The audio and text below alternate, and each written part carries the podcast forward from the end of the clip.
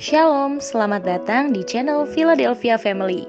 Hari ini kita akan belajar kebenaran firman Tuhan tentang mempersiapkan generasi emas gereja. Tuhan Yesus memberkati.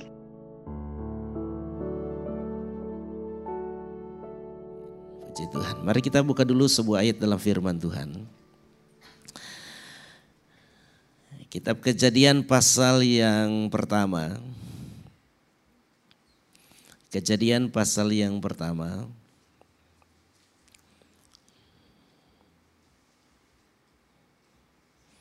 Kita akan membaca ayat yang ke-27 dan ayat yang ke-28. Kejadian pasal 1 ayat 27 dan ayat yang ke-28. Mari kita baca bersama 2 3. Maka Allah menciptakan manusia itu menurut gambarnya, menurut gambar Allah diciptakannya dia, laki-laki dan perempuan diciptakannya mereka. Allah memberkati mereka, lalu Allah berfirman kepada mereka, beranak cuculah dan bertambah banyak, penuhilah bumi dan taklukanlah itu. Berkuasalah atas ikan-ikan di laut dan burung-burung di udara dan atas segala binatang yang merayap di bumi Kalian perhatikan rencana Tuhan bagi kita manusia itu luar biasa. Mari bilang sama temannya rencana Tuhan untuk kita itu luar biasa. Kalian perhatikan bahwa tujuan Tuhan untuk menciptakan kita anak cucu dari Adam itu, itu adalah untuk menjadi penakluk. Katakan bersama penakluk. Tapi kalian tahu bahwa di depan kita ada sebuah masa yang kalau kalian main-main, maka kalian akan ditaklukkan. Bahkan saya melihat begini bahwa banyak orang tua yang hari ini hidup di dunia ini tidak mengenapi firman Tuhan ini. Yaitu mereka tidak menjadi penakluk dunia, tetapi ditaklukkan dunia. Mereka gagal. Mereka bukan orang yang berbahagia. Mereka orang yang tidak bisa menguasai dan menaklukkan tantangan dalam hidup. Kalian tahu bahwa sejak manusia jatuh dalam dosa, hidup di dunia ini jadi tidak mudah. Jadi kalau manusia jat, tidak jatuh dalam dosa, maka apa yang disampaikan oleh Tuhan ini adalah sesuatu yang mudah. Tetapi sejak manusia jatuh dalam dosa, maka menaklukkan dunia itu menjadi sangat sulit menjadi sangat berat. Itu sebabnya kita lihat orang-orang hari ini jadi seperti apa. Nah saya terbeban dengan kalian. Saya tidak tahu secara pribadi apakah kalian anak orang yang berhasil menurut pandangan kalian atau kalian adalah keturunan orang yang ditalukan dunia. Anak-anak dari orang tua yang gagal. Tetapi saya mau katakan begini, kalian perhatikan dengan baik bahwa kalian punya bapak itu bukan cuma satu. Kalian punya bapak di dunia, tetapi kalian juga punya bapak di sorga. Katakan amin dengan mantap. Dan mungkin boleh saja bapak di duniamu adalah orang gagal yang tidak bisa dijadikan contoh, yang kemudian saudara jadi korban.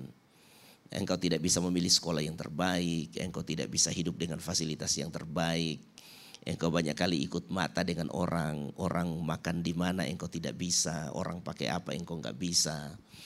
Orang penuh dengan kebahagiaan, engkau banyak menangisnya. Ada orang dengan keluarganya penuh dengan kebanggaan, engkau malu-malu untuk memperkenalkan orang tuamu. Karena orang tuamu bukan orang tua ideal di matamu. Mungkin engkau gambarkan, harusnya papa saya dan mama saya seorang seperti apa. Nah saya mau katakan kepada kalian bahwa kalian harus bangkit. Untuk menjadi pribadi yang nanti anak-anak kalian akan puas dengan mereka. Katakan amin. Ketika mereka mau ceritakan tentang kalian, anak-anakmu itu akan penuh dengan kebanggaan. Karena kalian adalah orang-orang yang menaklukkan dunia ini. Apa yang ditaklukkan? Semua area kehidupan engkau kalian jadi penakluk untuk uh, semua yang Tuhan taruh di dunia ini. Kalian menjadi penakluk untuk kehidupan sosial. Anak-anak yang dibully itu kan kasihan banget. Masih kecil sudah ditaklukkan oleh siapa? Oleh teman-teman mereka. Uh, bullying itu melalui apa saja, ngomong, perlakuan. Saya kemarin dapat video menyedihkan sekali ada seorang anak SD yang oleh tiga atau empat temannya sambil saya tidak tahu siapa yang video mereka menginjak-injak. Anak itu ada yang satu lari dan loncat dan nginjak anak itu. Saya bayangkan aduh masih kecil ini anak ini sudah begini. Kalau dia tidak dipulihkan maka itu akan jadi trauma baginya. Dan dia kalau saya mau katakan sudah dihancurkan oleh dunia saya tidak tahu saudara di sekolah seperti apa. Apakah engkau generasi emas di sekolahmu? Atau engkau generasi yang tidak terhormat di sana. Saya mau katakan begini, nggak apa-apa sampai hari ini. Tetapi untuk besok dan seterusnya engkau harus bangkit menjadi pemenang. Amin. Nah saya rindu sekali lagi. Satu waktu ketika saya sudah tua saya akan berbangga dengan kalian. Saya akan jalan-jalan dan saya akan ngomongin kalian ke banyak orang. Bahwa jemaat GPD Philadelphia itu adalah kumpulan para pemenang. Haleluya. Kumpulan para pemenang. Bukan kumpulan orang-orang yang jadi korban. Tidak, saya rindu kalian menjadi kumpulan pemenang. Menjadi kumpulan pemenang. Saudara kalau kalian kerja, Kalian bukan ekor-ekor yang setiap datang ke kantor dimarahin sama bos. Bukan. Karena kalian bosnya. Amin. Karena kalian pemimpinnya. Saya kira bukan hanya jadi pemimpin dalam struktur manajemen. Tetapi saya rindu kalian bangkit menjadi owner banyak usaha ke depan. Karena salah satu hal yang akan kita hadapi di depan adalah Nanti kita akan lihat hal-hal yang penting. Bahwa nanti itu orang-orang yang tidak bisa menjadi penakluk itu akan tersingkir.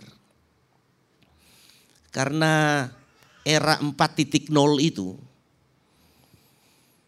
itu orang-orang yang tetap akan bisa kerja di sana itu hanya orang-orang dengan kualitas terbaik. Yang ah, saya sih pengen ini semua kalian nanti kalau kerja di perusahaan, kalian 10 besar di semua perusahaan itu.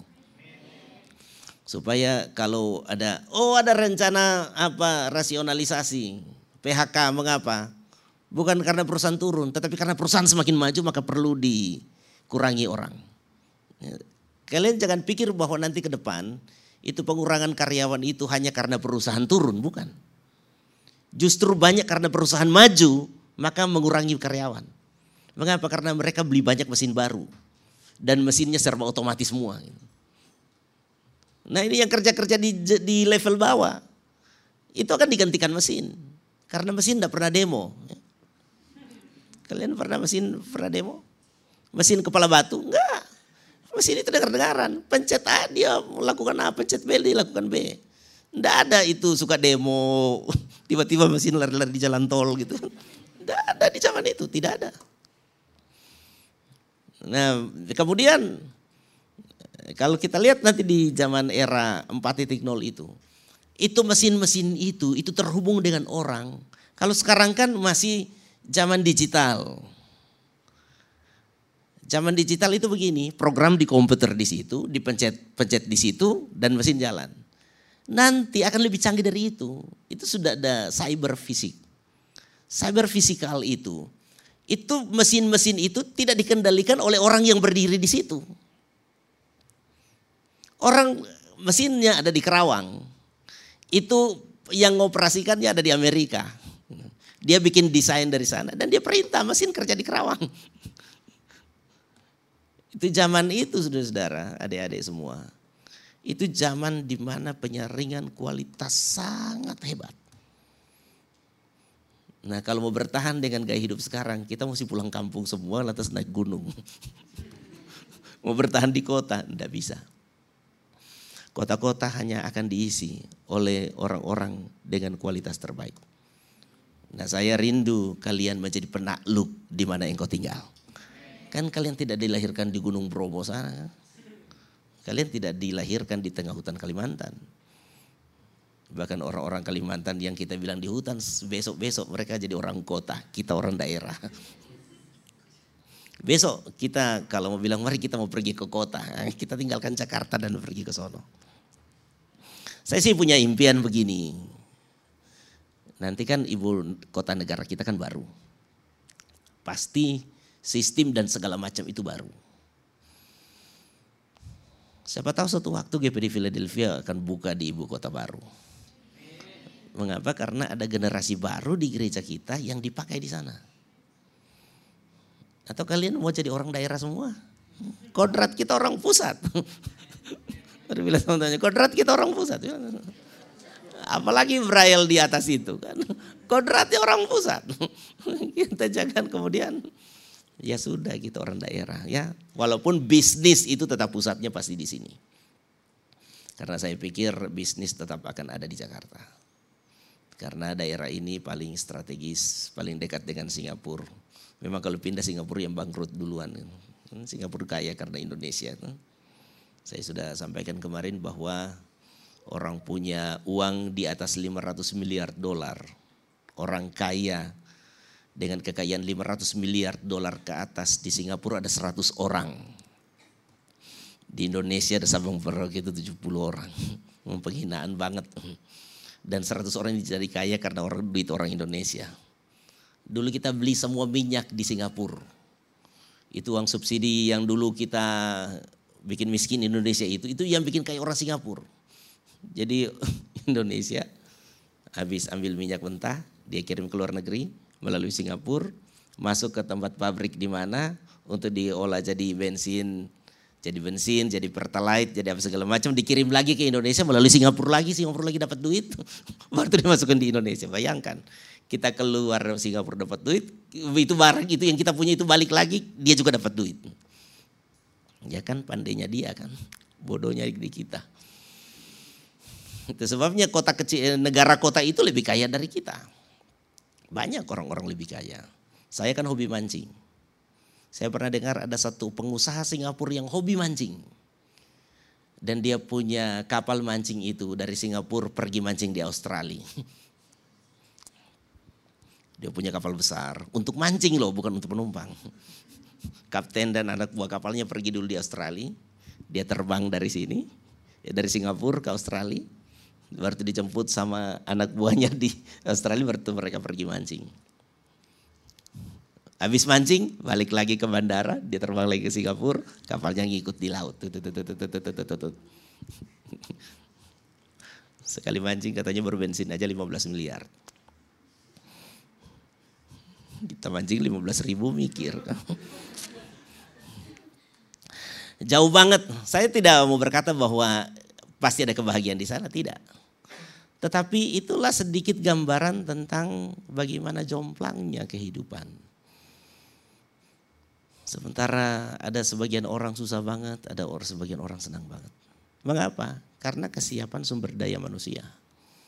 Dan harusnya orang Kristen menikmati akan hal itu. Karena Tuhan sudah takdirkan kita untuk menjadi penakluk. Katakan amin. Apakah untuk jadi seperti yang saya gambarkan orang Singapura tadi itu susah? Susah. Tidak mudah. Tidak mudah. Kalau kita generasi besi apalagi kayu bakar. Tidak bakalan jadi. Karena kita bilang kan begini. Itu rumah itu bisa dibangun dengan rumput kering, kayu, batu, dan permata. Nah kita anggap emas itu bagian dari permata kan. Nah kita kalau generasi kayu kering, rumput kering, tidak bisa jadi apa-apa. Mari kita mulai buka ini bahan kita supaya lebih bagus lagi. Apa yang kita bicarakan, mari mulai dari halaman yang ketiga yang saya sudah terangkan kemarin sedikit saya berikan sedikit penjelasan. Jadi di tahun 2020 ini kalau di bahan ini, tetapi di slide lain ada orang lain yang berkata bahwa tidak sampai 2030 saja, tetapi sampai 2038. Saya bilang sampai 2040 lah, taruhlah 20 tahun ke depan Indonesia itu punya peluang jadi negara maju. Lebih maju dari sekarang. Mengapa? Karena sumber eh, daya manusia itu berlimpah. Tetapi akan jadi maju kalau generasi kalian ini adalah generasi yang berkualitas. Karena yang akan membuat negara kita maju atau tidak, ya kita. Ya eh, bukan kita, kalian. Saya salah kalau bilang kita. Oma sudah begini aja. Tidak bisa lebih pintar lagi dari sekarang kayaknya biar mau belajar. Kalian dia akan berperan di sana. Dan saya mau katakan begini, jumlah memang bukan segalanya. Karena kalau kita banyak banget tapi goblok semua juga tidak bisa jadi apa-apa. kita ini banyak sekali tenaga kerja, tapi semua jadi TKI. Apa Indonesia akan maju? Ya enggak lah. Tidak akan maju. Sampai itu saya berharap begini kalian yang lagi sekolah sekarang, sekolah dengan serius. Untuk apa? Untuk Indonesia maju. Kan kita sudah belajar kemarin sebagai warga negara Indonesia kan kita perlu untuk menjadi bagian penting untuk memajukan Indonesia. Karena kalau Indonesia maju berarti kita semua maju. Amen. Nah generasi kita, generasi kalian ini adalah generasi yang sangat menentukan. Kalau kalian tidak belajar sungguh-sungguh dan demikian juga dengan anak muda Indonesia hari ini yang tidak suka belajar, kalau pegang HP tidak pernah belajar pakai HP. Kalau pegang HP main game. Pegang HP cuma nonton. Saudara jadi korban orang. Orang jadi kaya atas kebodohan kalian kan. Orang bikin konten YouTube, kalian yang nonton, dia jadi kaya. dia jadi kaya, kalian jadi korban, kalian dimanfaatkan orang. Kalian tidak minta orang jadi subscriber. Kalian yang subscriber seorang orang punya subscriber itu ya. Kan biasa kalau nonton subscriber, pencet gratis. Iya gratis kau punya kepala. bayar, kita bayar dengan kuota kita kan. Dia bilang kan gratis. Kau tahu itu kata-kata paling pembohong di dunia. Tidak, kita pencet itu kita bayar. Bayar dengan apa? Pas dia kirim video masuk ke kita, kita klik langsung bayar. Nah, dia dapat duit, duit kita hilang. Beli pulsa lagi, berantem sama mama gitu. Duit gaji habis beli pulsa internet. Kita nonton di mana-mana. Oh enggak, gratis di gereja. Gereja juga bayar. Emang kira gratis internet di gereja? gereja juga bayar.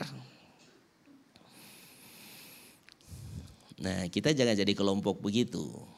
Kita harus menjadi orang yang menyiapkan diri dengan serius supaya ke depan kita menjadi orang-orang yang luar biasa.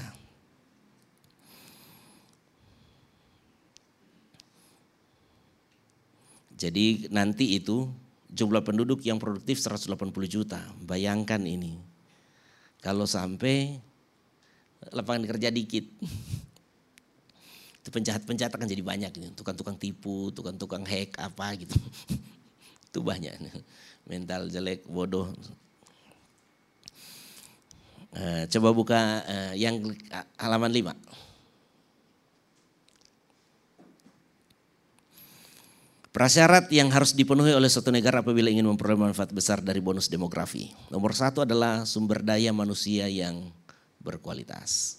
Nah ini sekali lagi saya bilang sama kalian, kan kemarin kan saya fokus banyak ke orang tua. Nah hari ini saya fokus kepada kalian. Bahwa bekerja samalah dengan orang tua kalian untuk membangun diri kalian sehingga kalian menjadi orang yang disebut sebagai pribadi dengan sumber daya manusia yang berkualitas. Jangan kalau mama suruh belajar berantem sama mama. Itu suruh sekolah berantem, suruh bikin PR, nyewa orang. Nyewa teman yang pintar bikin PR. Mengapa? Karena kau cuma habis waktu nonton. Nonton di apa pacaran kiri kanan, ke sono ke sini, makan bakso. Temanmu yang tambah pintar. Saya bilang sama Ian sama Ingrid dulu, karena saya perhatikan mereka kalau bikin kelompok belajar, mereka yang paling banyak belajar. Sampai tidak tidur-tidur itu Ci Ingrid itu. Karena mengerjakan tugas-tugas dari empat orang, mungkin satu atau dua orang saja yang kerja. Jadi dia sampai pernah tidak tidur satu malam, cuma tidur di kereta. Kadang-kadang di kereta pun tidak tidur. Lanjut kuliah, pulang dari kuliah masih lanjut lagi belajar terus. Ya temannya senang. Wah enak ya, ada Ingrid ya di kelompok kita ya. Tugas pada beres semua nilai bagus. Nilainya bagus, otaknya ndak bagus. Siapa yang belajar dia yang jadi pinter. Amen. Dia boleh mungkin dapat nilai yang bagus karena nilai kelompok. Tetapi otaknya yang tidak bagus. Nah kalian jangan seperti begitu. Yang pengen sukses katakan amin. Mari bilang sama temannya, jangan bikin susah Tuhan untuk berkatimu.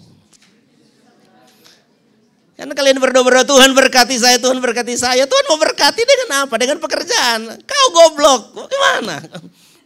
Dikasih kerjaan enggak bisa, kasih kerjaan enggak bisa. Mau berkati enggak bisa, kasih gaji enggak bisa ngitung. Kan susah. Oh, Tuhan kasih komputer canggih, cuma tahu tulis yes dan no, kan susah. Kita diberkati Tuhan, tetapi kalian harus tahu bahwa berkat itu pun harus dikelola dengan kecerdasan. Ian belajar mobil, pakai R3 di situ. Pas dulu di mobil om, bingung dia. Cuma memajukin kursi, mundurin kursi aja bingung-bingung.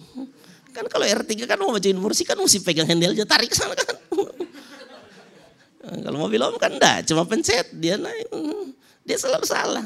Ya begitulah. Jadi saya cuma katakan semakin canggih, semakin mudah, tetapi perlu belajar. Kalau tidak belajar, ya tidak tahu. Karena om punya mobil kan parkir di satu gereja. Tiba-tiba mereka mau pindahin. Semua kita kumpulin kunci. Ini kunci, kunci, kunci, kunci, kunci, kunci. Eh, setengah jam kemudian mereka naik. Bagaimana sudah pindah? Cuma satu mobil yang tidak bisa dipindah. Mobil apa? X-Trail. Kenapa? Tidak tahu kuncinya mau colok di mana. mobil sekarang kan mobil saya kan enggak colok kuncinya, cuma taruh aja begitu letas pencet itunya. Nah, maksudnya begini, Tuhan itu mau berkati kalian, jangan bikin sulit Tuhan berkati karena enggak bisa manfaatkan. Tiba-tiba jadi direktur, pas sudah jadi direktur, enggak tahu mau bikin apa. Ini karyawan saya mau diapain ya? Hari Senin ngumpul briefing, mau ngomong apa ya? Selamat pagi semua, mari kita kerja. Ngaco. Apa ini? Kaget aja. Mari bilang, ayo kita bangun sumber daya yang berkualitas untuk diri kita sendiri. Amin. Jadi kalau belajar-belajar, tugas kelompok kalian yang bikin. Amin. Dan siapa di sini kalau tugas kelompok dia yang paling rajin angkat tangan? Yang lain suruh kerjain orang lain, Jangan ya. Tugas kelompok kalian yang harus kerjakan. Ada yang malas jangan mengeluh. Karena ketika engkau bikin maka engkau yang untung.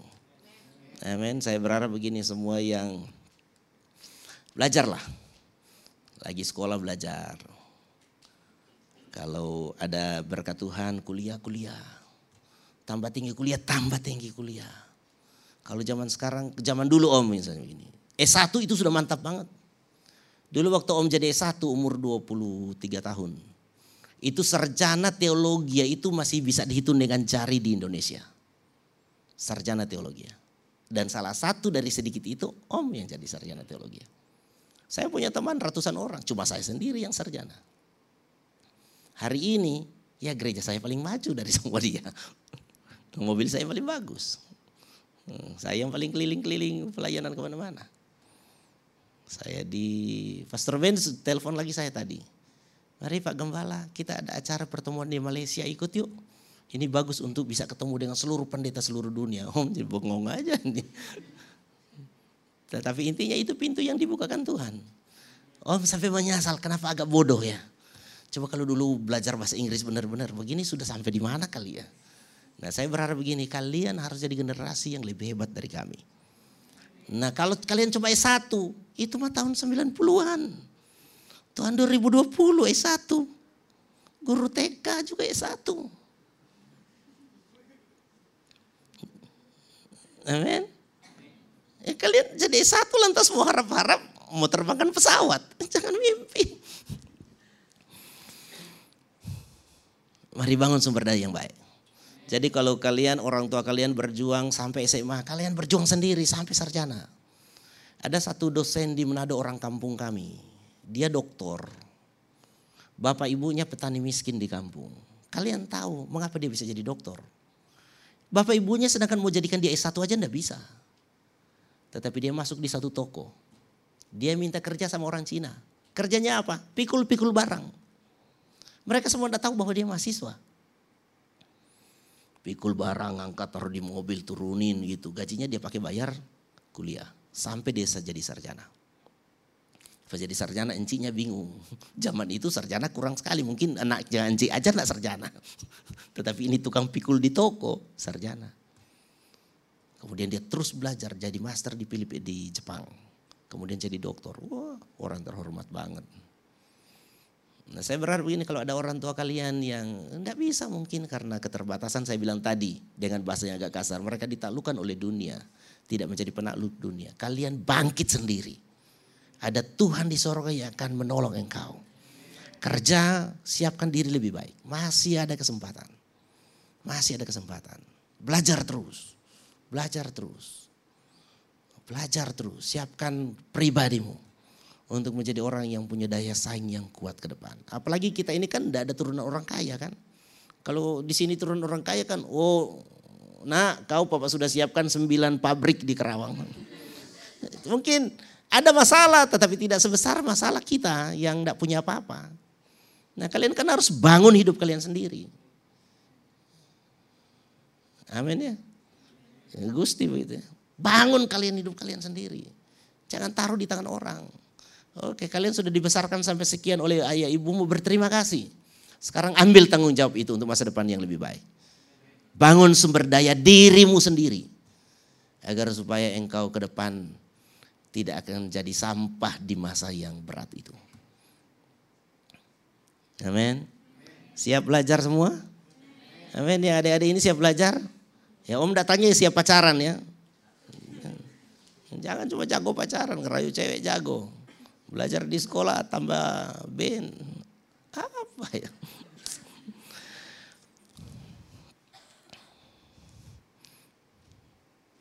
Kita perlu berdoa ini ya karena uh, syarat yang kedua adalah terserapnya tenaga kerja.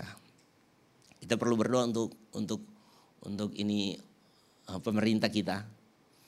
Perlu berdoa untuk orang-orang yang sedang membangun usaha sekarang ini supaya banyak lapangan kerja.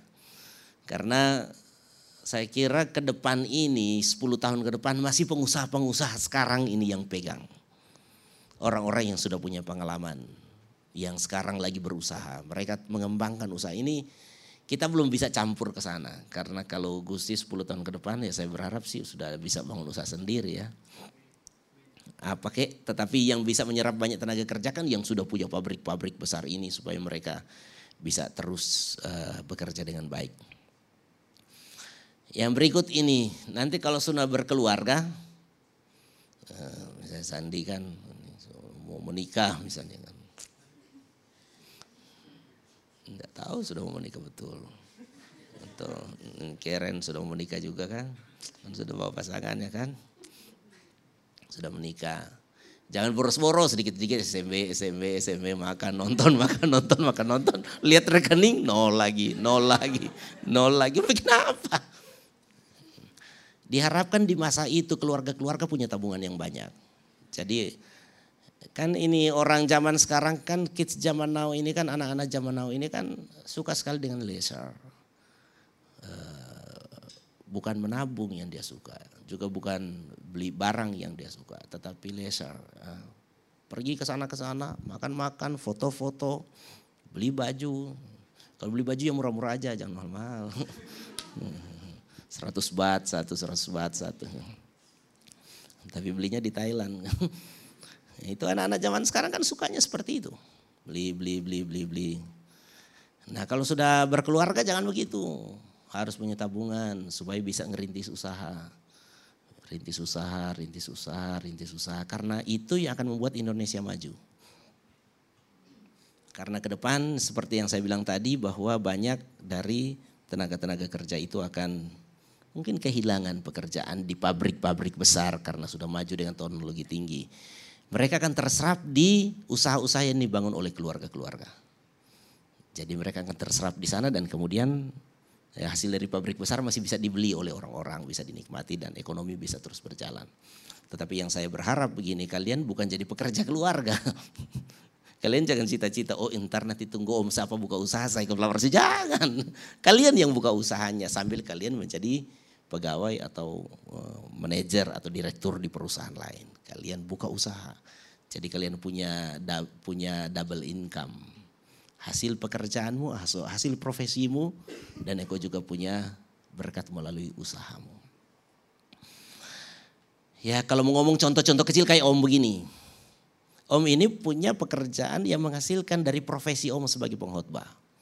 Jadi saya diundang ke mana-mana itu berkhotbah itu ada penghasilan. Nah, tante dulu juga punya penghasilan. Nah, kami kemudian dengan uang-uang itu bersama dengan jemaat bangun gereja ini. Nah, dari gereja ini ada beberapa orang yang ikut juga kerja di sini, walaupun gajinya kecil.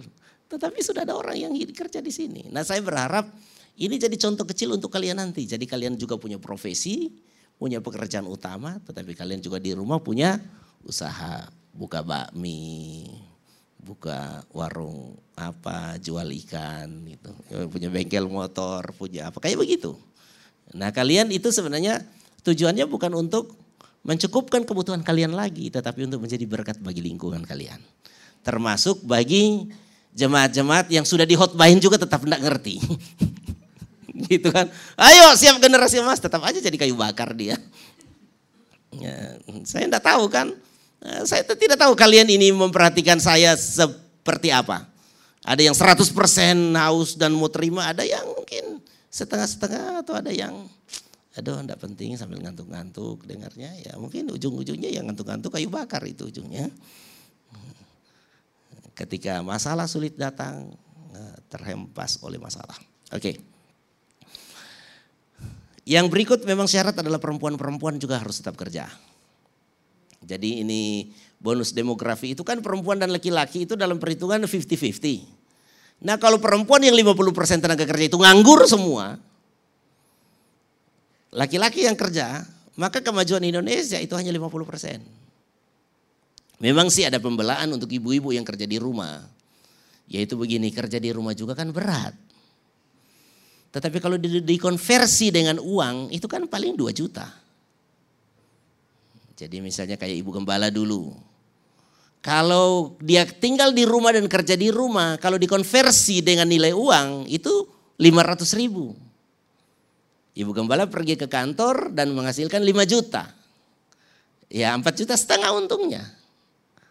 Kan? Jadi seorang ibu yang kerja di rumah itu bagus. Suami yang melihat istrinya kerja di rumah harus menghargainya.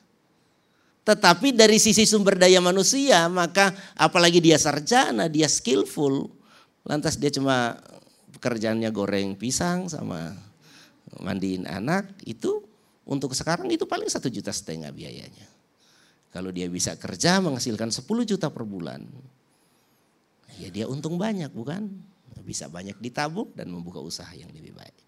Jadi anak-anak perempuan kalian jangan pakai itu istilah dulu. Perempuan kembali lagi ke dapur. Ya, kalau dapur rekaman boleh. Kalau dapur yang itu ya jangan. Ibu gembala hari ini dia kerja berhenti kerja dari kantor, tetapi dia tidak kembali ke dapur walaupun dia suka kerja di dapur. Tapi ibu gembala selain dia bantu kerja di dapur, dia juga adalah kepala kantor gereja GPD Philadelphia. Dia adalah pusat komunikasi di gereja kita. Dan gajinya besar. Gajinya apa? Ya seluruh gaji saya jatuh ke dia kan. Begitu. Jadi saya berharap begini agar supaya ini semua perempuan-perempuan ini kalian jangan pikir saya kan perempuan. Ya pasti cuma nyuci, masak, ya sudah itu. Jaga anak. Jangan begitu. Kalian harus siapkan diri kalian untuk menjadi berkat bagi diri kalian sendiri, bagi gereja, bagi negara kita. Yang cewek-cewek katakan amin. Sampai itu ini kalau masih sekolah belajar yang betul. Jangan pikiran begini, oh aku ujung-ujungnya juga jadi istri. Cita-citaku cuma satu, cari suami kaya. Jangan begitu kan. Sayang Tuhan sudah kasih potensi. Coba buka halaman yang keenam. Jadi eh, saya sudah sampaikan pada hari Jumat yang lalu bahwa Jepang mengalami kemajuan yang luar biasa karena bonus demografi di tahun 50-an sehingga dia menjadi nomor tiga sesudah Amerika Serikat dan Uni Soviet. Nah, ini yang saya pengen kalian baca bersama. Mata masih terang semua kan? Mari baca poin yang terakhir, dua tiga. Indonesia juga sampai saat ini memiliki model SDM yang sama dengan Jepang pada tahun 1950. Bahkan SDM di Indonesia bisa diprediksi akan meningkat pesat hingga pada tahun 2035. Namun yang menjadi masalah adalah banyaknya SDM tidak diimbangi dengan kualitas yang nah ini sudah diprediksi ini Indonesia SDM banyak tapi bilang sama temannya itu bukan kita.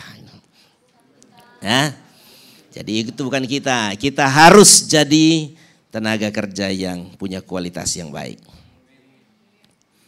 Jadi kalau di halaman berikut eh, itu ada dua kata yaitu berkat dan bencana. Tinggal mau pilih.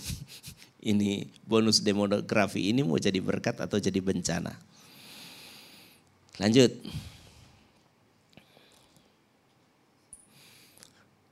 Uh, halaman yang ke-8. Jumlah usia produktif yang besar harus ditunjang dengan kemampuan, keahlian, dan pengetahuan yang baik sehingga usia produktif dapat menjadi tenaga kerja yang terampil serta memiliki keahlian dan pengetahuan untuk menunjang produktivitas. Ini saya sudah terangkan tadi. Mari lanjut lagi. Uh, kita lewati dulu ya, terlalu lama nanti.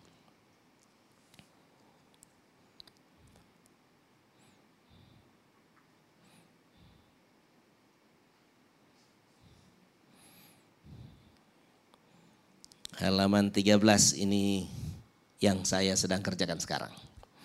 Mempersiapkan generasi emas gereja. Maleaki pasal yang slide yang berikut. Maleaki pasal yang ke-14 ayat yang ke 15. Sorry, Maleaki 2 ayat yang ke-15. Kita baca bersama dua tiga. Bukankah Allah yang ngesah menjadikan mereka daging dan roh dan apakah yang dikehendaki kesatuan itu keturunan ilahi? Stop di situ. Kalau untuk orang tua maka mereka harus berjuang kalian untuk menjadi keturunan ilahi. Maksud keturunan ilahi itu adalah keturunan yang berkualitas sama dengan Yesus. Kalau Yesus hidup hari ini maka dia pasti orang paling canggih dalam teknologi. Karena Yesus pada waktu dia hidup itu dia orang paling canggih di dalam berpikir. Bayangkan dia umur 12 tahun dia punya kecerdasan yang bisa mengalahkan orang paling pinter secara hukum di waktu itu. Jadi kalau hari ini ada, lantas Tuhan Yesus ketemu dengan Hotman Paris, Hotman Paris pasti akan jungkal. kan kelihatan kan dia pinter banget toh. Siapa yang pinter sekarang? Apalagi cuma yang lain-lain ya, yang suka nantang orang-orang Kristen. Kalau ketemu Yesus mah ada apa-apanya. Dia paling pintar, dia paling cerdas. Itu sebabnya saya juga berharap agar supaya kalian hari ini itu berjuang untuk menjadi generasi seperti Yesus. Dan Yesus itu kalau dibilang sukses, Yesus itu rajanya sukses. Sulit mencari orang lebih sukses dari Yesus. Kalian bayangkan Yesus kerja cuma tiga tahun setengah Tiga tahun setengah. Dia meletakkan dasar pengajaran, kemudian dia mati di kayu salib, itu cuma tiga tahun setengah.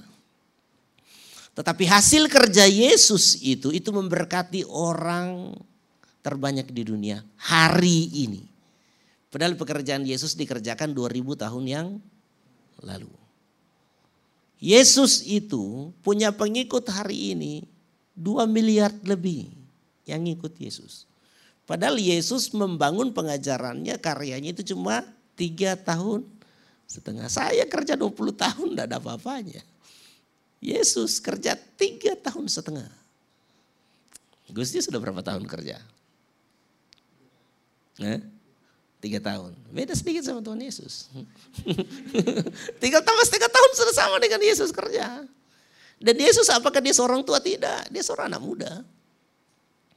Jadi dia bukan bapak-bapak berjanggut panjang warna putih, pakai sorban putih, jubah putih. Nah, dia orang yang biasa saja, seorang anak muda yang penuh dengan hikmat.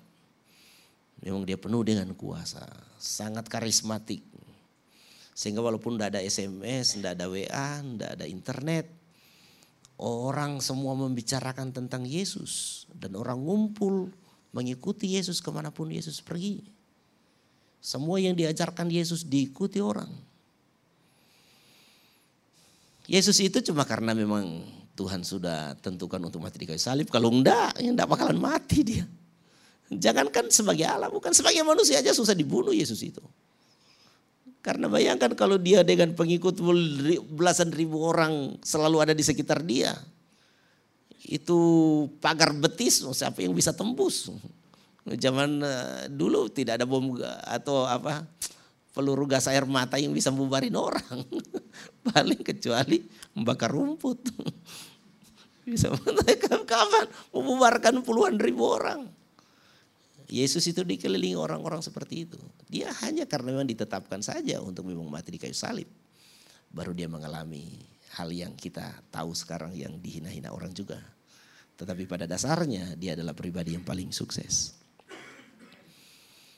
Yang saya pernah bilang kan, siapa yang punya lagu pujian untuk pribadi paling banyak di dunia ini? Misalnya saya pernah bilang kan Soeharto, pasti berapa lagu untuk Pak Harto? SBY. Ada lagu untuk SBY? Saya enggak tahu, saya enggak ingat. Lagu untuk Jokowi? Ada kayaknya kemarin dulu ya, ada ya film Jokowi juga ya.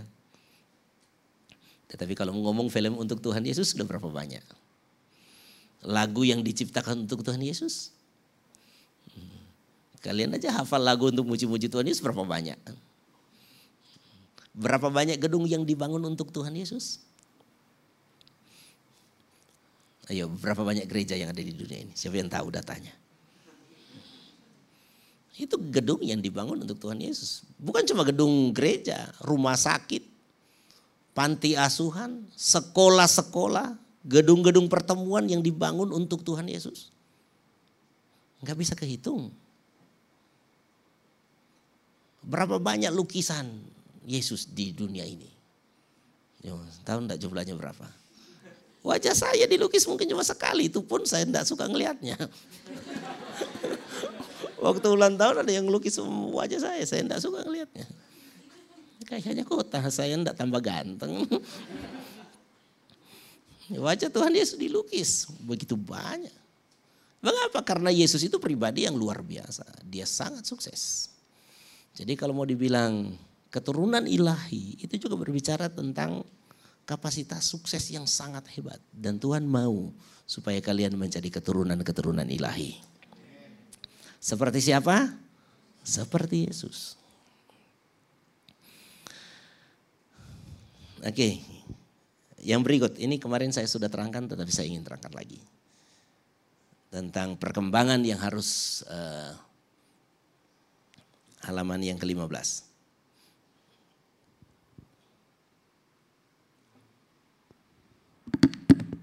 15 bin.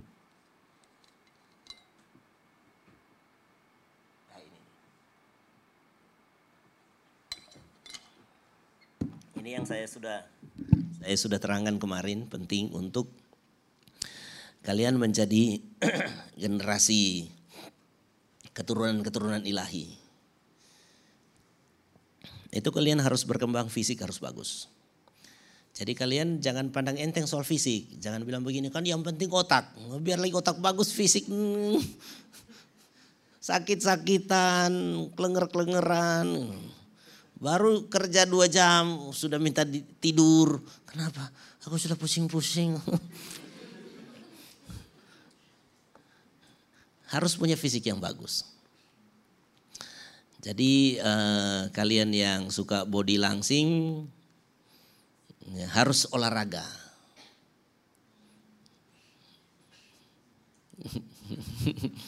memang ada yang bilang kan begini, memang perempuan paling dilematis kan orangnya kan.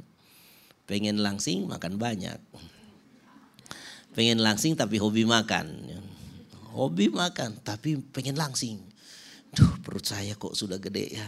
Pengen sekali langsing tapi dikasih makan bakmi satu piring. Sebentar habis. Nah bagi yang hobi makan, tidak apa-apa makan secukupnya tetapi harus olahraga. Saya suka ngomong sama Dei, sama Ian, ayo suka olahraga. Karena kalau tidak suka olahraga bahaya. Jangan ngurangin, ngurangin makan berlebihan. Karena ada banyak mau pengen langsing ngurangin makan. Akhirnya sakit. Jangan kena ini, kena itu. Asam lambung naik, pingsan-pingsan. Bagaimana mau kerja? Makan banyak gendut, olahraga jalannya. Ya. Olahraga. Saya suka ngomong sama Cidei. Ayo orang di panggung jaga body. Jangan gode-gode, tau gode kan.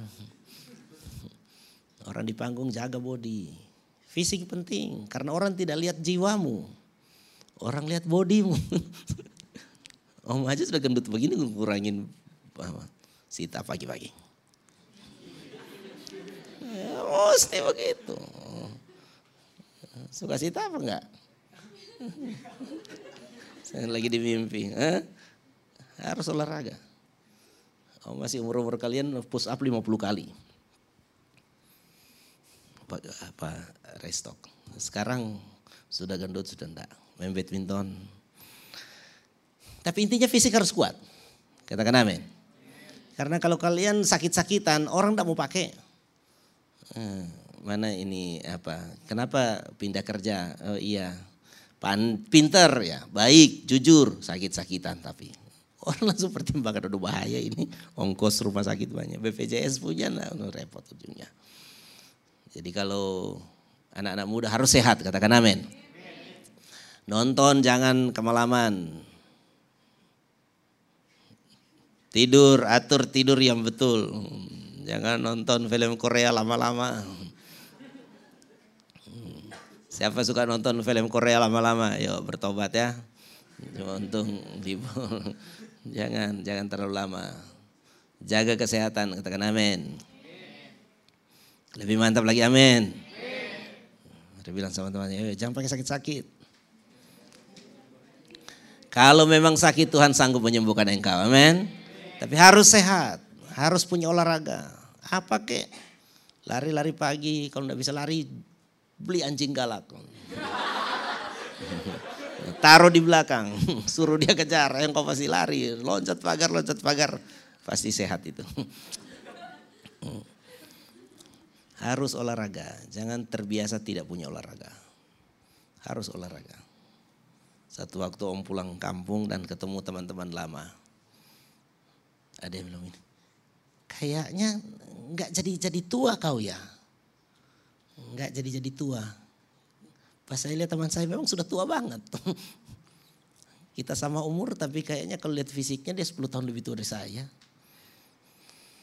Mata sudah keriput. Ujung sininya sudah kelipat semua.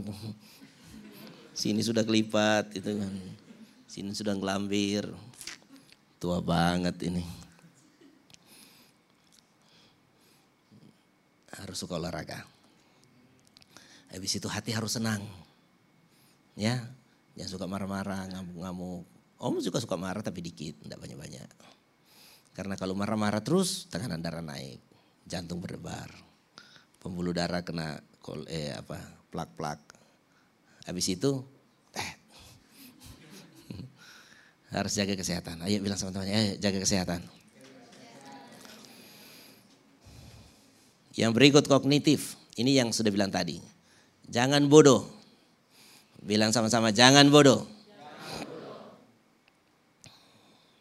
Jangan bodoh ya. Jangan bodoh. Jangan oh, cuma cuma mau pegang HP aja enggak becus. Oh gua mah cuma tahu YouTube. yang dia tahu cuma YouTube juga cuma play. yang lain enggak bisa. Coba apa namanya download YouTube. Enggak bisa. Tidak boleh begitu. Harus suka belajar. Apa pun yang dipegang harus belajar. Harus belajar. Om kan ke Samarinda ketemu teman Om yang lama. Dia bilang, aduh saya pakai HP cuma ini, cuma bisa foto sama ngobrol. Eh, cuma bisa SMS dan ngobrol. Tapi aku masih mendingan. Teman saya habis kelas 1 langsung kelas 3 saking pinternya. Sekarang sedangkan SMS nggak tahu, susah. Mau beli barang pakai SMS udah tahu. Apalagi WA kan. Lebih enggak tahu. Kalah sama mak 80 tahun itu. Akhirnya susah. Mau kirim foto gambar, mau, mau kirim foto barang untuk order apa segala macam udah bisa. Apalagi mobil banking Ntar nanti aku lagi di sini nanti ya, nanti besok aku ke Indomaret. Hari gini transfer uang pakai ke Indomaret. Ada di Palangkaraya, ada orang butuh. Oke, butuh berapa? Oh, sekian. Sudah. Mari bilang sama teman, jangan kalah sama om, om aja orang kampung bisa. Ya bilang jangan kalah sama om, anak kota yang harus lebih jago. Sudah pada tahu kan yang kerja-kerja sudah tahu mobil banking ya. Nah, simpan duit di mana, jadi bawa bantal melulu repot. Dicuri pembantu ujungnya. Harus cerdas ya, semua harus belajar, harus belajar, harus belajar itu penting. Sosial yang berikut. Nah ini sosial ini kalian harus tahu bahwa tidak ada orang yang sukses tanpa kehidupan sosial. Sulit sekali orang tidak punya kehidupan sosial dan sukses. Orang boleh agak bodoh, tetapi tidak boleh tidak punya kehidupan sosial. Kalian harus punya kehidupan sosial. Karena skill kalian untuk membangun kehidupan sosial itu, itu akan jadi pintu untuk kesuksesan semua pekerjaanmu. Sedangkan engkau kerja di pabrik, bagian produksi pun engkau harus punya komunikasi dengan orang. Engkau tidak bisa ngomong sama mesin, mesin, tahu enggak? Kita enggak bisa. Engkau mesti ngomong dengan orang. Jadi kalau engkau ada masalah, engkau tidak bisa diskusi dengan mesinmu. Ada satu anak Tuhan, jadi uh, pekerja di pabrik di Kerawang. Dan dia punya mesin tercanggih di dunia. Sampai orang Jerman, orang Jepang aja datang belajar dari mesin dia. Dia bilang kuncinya apa? Anak buah saya itu jago-jago. Nah kenapa anak buah dia jago? Karena dia punya kehidupan yang sehat dengan anak buahnya. Coba kalau dia tidak punya kehidupan sosial dengan anak buahnya. Yang dia tahu cuma jengkelin orang. Oh disabotase. Ya, disabotase. Tapi kalau kita punya kehidupan sosial yang bagus, orang dukung kita. Dan bagaimana cara melatih kehidupan sosial? Ya di sini di gereja. Amin. Nah kalian harus belajar berteman Jangan lima orang duduk, dua jam semua begini. Boleh main HP enggak masalah. Komunikasi karena kita juga kan kalau komunikasi dengan orang. Tetapi banyak tidak berkomunikasi dengan orang dengan HP. Dia cuma apa? Buka YouTube.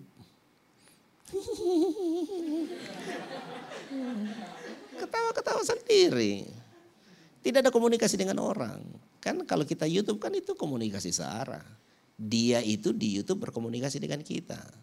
Apakah kita berkomunikasi dengan dia? Tidak juga. Kalau engkau masih WA-WAan sama orang, engkau masih punya hubungan sosial.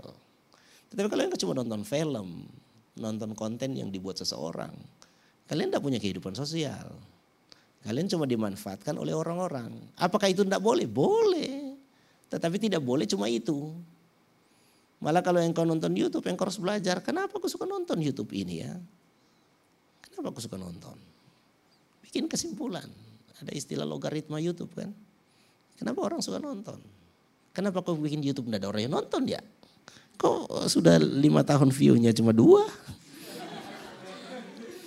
Eh, enggak harus pelajari. Kenapa kok orang lain bikin berhasil? Nah kalau kalau itu ya, jadi kita nonton YouTube pun kita harus belajar. Tetapi kalian harus belajar punya kehidupan sosial. Harus belajar punya kehidupan sosial. Saya juga di rumah suka HP, pegang HP masing-masing. Tetapi harus tetap ngomong, komunikasi. Saya sama Ibu Gembala kalau saya, Om lihat tante sudah terlalu banyak pegang HP, Om sudah mulai kesel-kesel dikit. HP melulu, HP melulu. Tapi tante kan komunikasi dengan jemaat memang dia butuh banyak. Cuma tidak boleh orang jauh lebih penting dari orang dekat. Jadi kalau ada orang duduk di samping kalian, kalian harus belajar untuk berkomunikasi dengan dia. Jangan kalian berkomunikasi dengan orang yang ribuan kilometer dari kalian yang setengah meter enggak. Karena yang kalian boleh bangun bisnis itu dengan orang yang setengah meter di dekatmu jadi mitra. Eh, orang yang jauh di sana yang kita jadikan korban. gitu kan. Itu kehidupan sosial harus dibangun. Engkau harus punya skill membangun membangun kehidupan sosial. Nah kehidupan sosial itu kan ada yang macam-macam berdasarkan temperamen. Ada orang yang memang hobinya ngobrol aja. Pokoknya dari cucu sampai engkong dia bisa ngobrol semua. Sama cucu dia ke mimi cucu mimi cucu gitu. Sama engkong dia bisa ngomong tentang zaman dulu perang gerilya. Bagaimana engkong waktu gerilya dulu. Nyambung dia ngomong. Tetapi ada orang yang sepantar aja tidak tahu ngomong apa. Mau ngomong apa. Padahal dunianya sama. Tinggal di dunia yang sama, pengalaman sama, tapi tidak bisa bangun hubungan. Mau ngobrol dari mana tidak bisa. Nah, saya mau katakan begini, semua skill bisa dibangun. Mari katakan bersama, semua skill bisa dibangun. Jadi tidak ada satu skill pun yang tidak bisa. Memang ada orang yang jago banget, tetapi yang bodoh banget pun bisa. Bisa. Semua skill. Ya, contohnya apa? Nulis. Ya saya lihat pas dia nulis. Contohnya nulis. Nulis itu kan skill. Apakah di sini bisa nulis semua? Kan nulis tidak bertuakat. Saya tidak ada bakat nulis, jadi saya sampai lulus cuma tidak ada. Itu skill dan skill bisa dibangun. Memang ada orang yang jago banget nulis. Model hurufnya keren, kalimatnya keren, cara berpikirnya keren. Jadi pas dia tulis sesuatu memang hasilnya orang semua suka baca. Ada yang tulis jelek. Yang paling parah ada teman suruh nulis teman surat untuk cowoknya. Di bawah ditulis NB, mohon maaf tulisan saya cakar ayam. Langsung dirobek sama yang nulis. Karena ngerti ya? Tidak nyambung. kan Gusti minta tolong kayak om suruh tulis surat sama Joyce, eh John, saya tidak tahu lah. Saya mau bilang sama Sin takutnya salah kan. Misalnya Gus, Om yang nulis, Gusti pesan, tulis di bawah NB, maaf tulisan saya jelek. yang tulis saya, dia minta maaf, penghinaan kan. Nah itu skill, skill semua bisa dibangun. Termasuk skill ngomong dengan orang itu bisa dibangun. Amin. Jadi yang tidak bakat tidak bakat juga tetap bisa ngomong dengan orang. Saya termasuk tidak bakat ngomong dengan orang. Malas saya ngobrol-ngobrol dengan orang panjang-panjang. Saya kalau orang ngobrol sudah agak lama saya sudah mulai pusing. Apalagi diomong muter sana, muter sini, muter sana, muter sini. Saya sudah agak mulai malas ini. Aduh muter-muter ngomong. Saya sudah ngerti dari tadi maksudnya. Ngapain diulang lagi, ulang lagi, buang waktu gitu. Ada orang kan apalagi orang Manado, ibu-ibu orang Manado yang cerewet-cerewet begitu kan. Permisi ya di dalam rumah ini. Sampai di pintu. Tapi begini ya tante ya 15 menit. Permisi ya sampai pintu pagar masih lagi ya tapi begini. Pokoknya proses dari itu berdiri dari kursi sampai keluar dua jam. Ada orang yang memang begitu, yang hobi sekali ngobrol. Yang sampai capek orang ngobrol. Saya bukan orang tipe itu, tetapi saya kemudian membangun skill berkomunikasi dengan orang. Jadi saya duduk dengan orang, biarpun tidak kenal, saya bisa membangun komunikasi dengan mereka.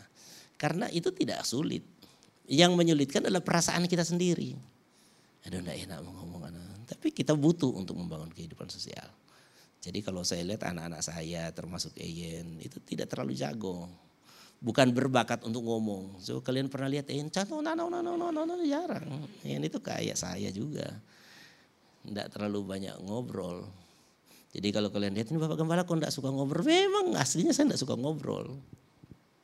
Saya zaman dulu kalau sudah dapat buku bacaan, waduh baca lama, tapi ngobrol dengan orang, males. Saya suka heran-heran kalau orang suka banyak ngobrol.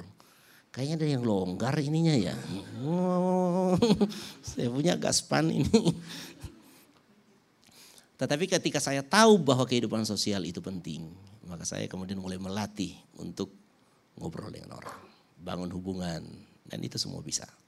Tetapi bangun kehidupan sosial bukan hanya sekedar bisa ngobrol dengan orang, tetapi menjaga sikap yang benar, dapat dipercaya, punya integritas. Ada orang lancar sekali ngomong, lancar sekali bergaul. Oh baru ketemu dua minggu sudah kayak ketemu 20 tahun. Tetapi tiga minggu kemudian bubar. gitu bermusuhan. Karena tidak punya skill membangun kehidupan sosial.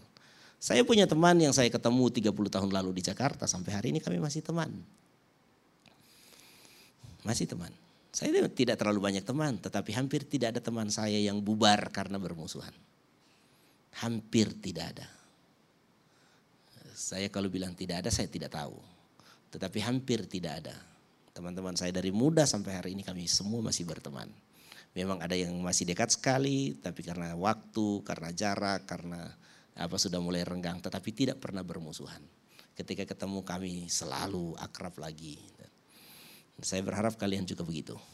Yaitu punya kehidupan sosial. Gampang bergaul dengan orang tetapi tidak gampang untuk terpisah karena permusuhan. Yang berikut emosi. Harus bangun emosi. Nah kalian ini harus menjadi anak-anak yang punya emosi yang sehat. Katakan amin. Emosi itu harus sehat. Apa itu emosi-emosi sehat? Emosi sehat itu jadi biasa kan kalau kita ngomong emosi itu kan marah aja. Marah. Pas kita marah, oh lagi emosi dia. Ya kayak om tadi ya.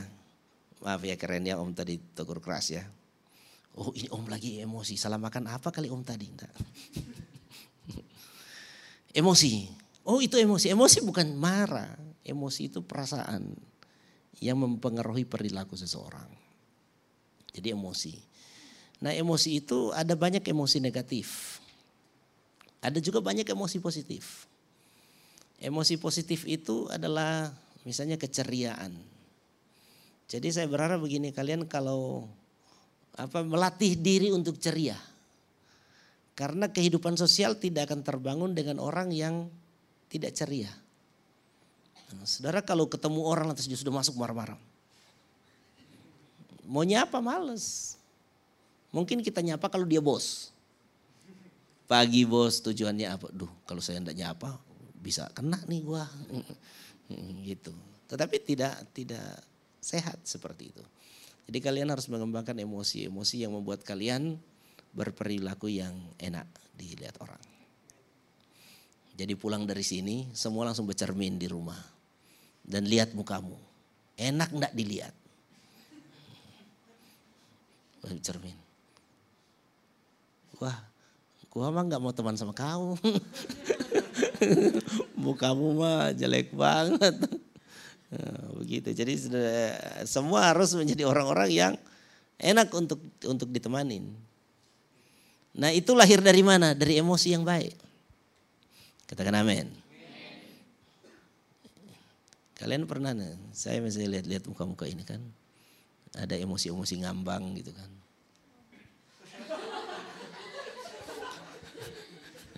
Marah enggak, senang enggak, ngambang gitu. Kayak apa gitu. Itu karena emosinya kosong gitu. Kamu marah enggak, senang enggak, sukacita semangat enggak. Lantas apa? Enggak tahu.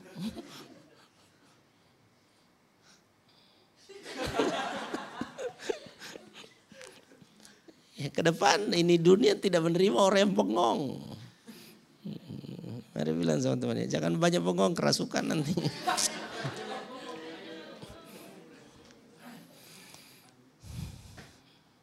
Apalagi emosi-emosi negatif yang lain, pemarah, pemarah, sedikit-sedikit marah, sedikit-sedikit marah, sedikit-sedikit marah. Kalian harus tahu marah-marah itu. Nanti agak boleh kalau kalian sudah jadi direktur. kalau belum direktur, jangan marah-marah dulu. Kalau kalian sudah jadi bos besar, baru tuh ada hak sedikit untuk marah. Jangan juga pikir kalau sudah jadi kepala lantas boleh marah-marah seenaknya, enggak boleh. Anak buah-anak buah terbaikmu akan pergi. Yang ketinggalan yang goblok-goblok gitu. Ya bos, ya bos. Pas disuruh enggak tahu apa-apa. Itu ya kan tinggal. Tetapi yang cerdas-cerdas, yang baik-baik akan meninggalkan Anda. Jadi bagaimana kalian bisa menahan orang-orang yang baik tetap ada di sekitarmu. Engkau harus mengendalikan termasuk marahmu. Nah kalau masih anak buah tukang marah, waduh bahaya kiamat itu dunia. Jangan suka marah-marah. Eh, emosi berlebihan, marah berlebihan. Yang berikut ngambek. Jangan suka ngambek. Di sini ada tukang ngambek. Ada di sini tukang ngambek. Pas ditukur, kamu yang begini. Kalau begitu aku sudah ndak. gitu langsung pergi. Wah kalau begini terus mas sudah aku. Jadi jadwal musiknya. Kenapa kamu terlambat? Emang kenapa kalau terlambat? Kan orang lain sudah tunggu. Emang kenapa kalau orang tunggu? Ya sudah kalau begitu aku pulang. Nah, itu tukang ngambek. Gitu. Dan orang yang emosi begitu hancur hidupnya. Nggak, nggak bakalan sukses. Mengapa? Karena orang di sekitar kita tidak selalu akan menyenangkan kita. Tidak selalu akan menyenangkan kita. Ada waktu juga bikin kita enggak. Tapi saya berharap kalian jadi orang-orang yang kuat. Katakan amin. Sekali lagi jadi orang-orang yang kuat. Katakan amin. Jadi emosinya itu mesti sehat.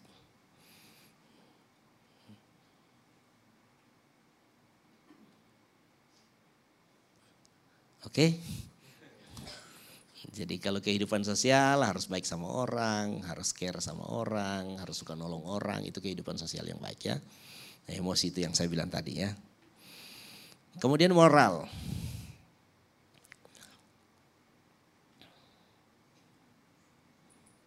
Ini moralitas. Ini yang biasa kita ajarkan di firman Tuhan, jangan mencuri, jangan apa segala macam itu, ini jangan itu. Karena kalau kalian moralnya hancur, susah. Saya sungguh-sungguh berharap kalian jadi orang-orang dengan moral yang baik. Jangan hobi bohong. Sejago-jago orang bohong. Sejago-jago orang bohong. Dia tidak bisa nutupi kebohongannya dengan kebenaran. Jadi mengerti enggak? Jadi maksudnya begini, kita bohong, bohong, bohong, bohong, ujungnya jadi benar. Enggak ada. Itu bohong itu akan selalu ditutupi dengan bohong berikutnya. Kemudian ditutupi dengan bohong berikutnya. Tutupi dengan bohong berikutnya. Dan kita akan hidup dengan kebohongan. Dan kalau kita begitu Bapak kita iblis.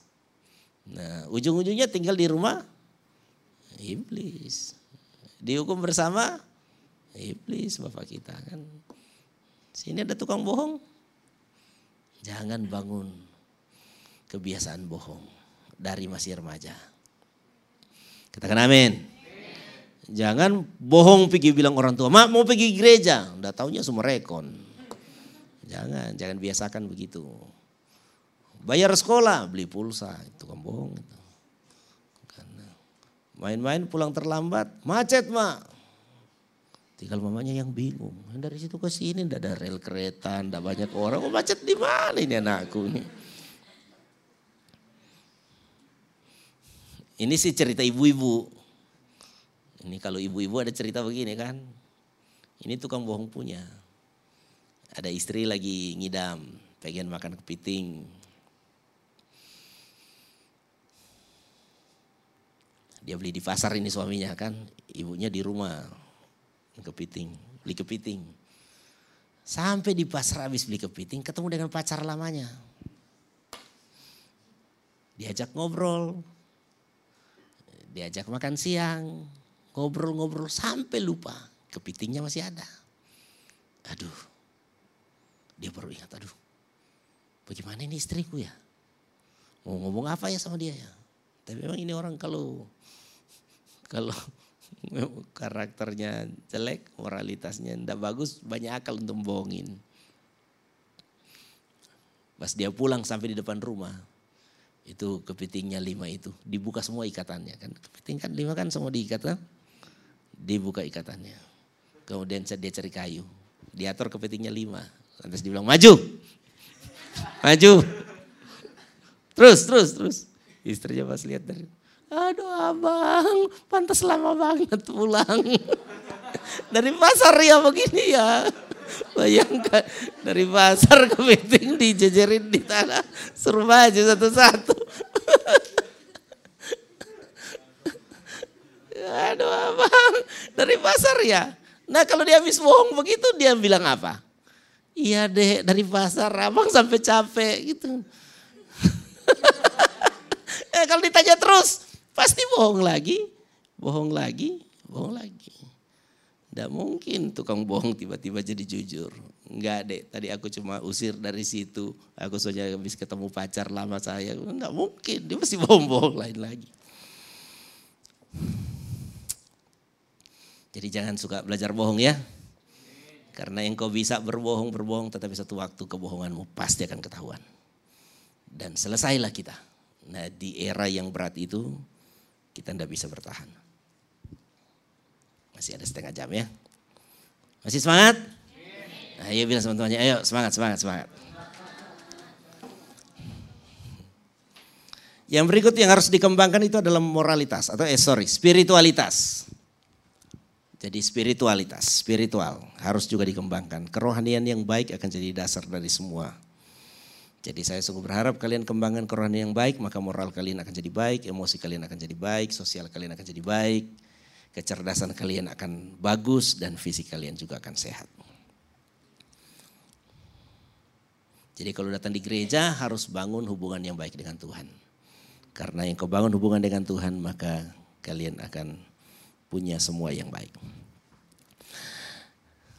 Yang berikut, jadi ini maksudnya harus seimbang semua ya. Jadi fisik, emosi, seksual, kognitif, sosial, moral, spiritual harus semua seimbang. Jangan karena saya bilang spiritual jadi dasar semua, maka dari hari Senin sampai hari Senin di gereja terus. Hari Minggu kebaktian kan. Senin Pondok Daud, Selasa Pondok Daud, Pondok Daud. Kok enggak sekolah? Kan rohani yang paling penting om. Pondok Daud, Pondok Daud, Weston, ibadah ini hari Minggu ke gereja lagi. Enggak sekolah-sekolah ya, ngaco. Oh yang penting moral bagus, enggak belajar, enggak apa, enggak apa gitu atau sakit-sakitan semua enggak bagus. Itu harus seimbang. Katakan amin. Oke, lanjut.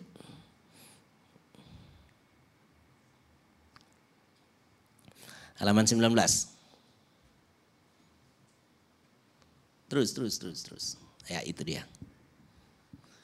Jadi tantangan zaman now ini itu adalah kesehatan mental, kecanduan, perilaku seks bebas, LGBT, dan kemerosotan moral.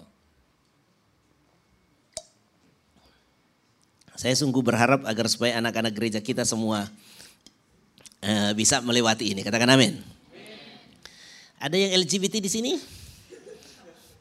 Yang bencong-bencong, yang apa, semua harus bertobat. Katakan amin. ini tantangan kita hari ini. Memang ke depan ini tantangan gereja paling besar juga ya. Karena kalau sampai ini undang-undang LGBT disahkan, tiba-tiba mempelai pria dan mempelai wanita yang datang satu bernama Boy, yang satu bernama Petrus.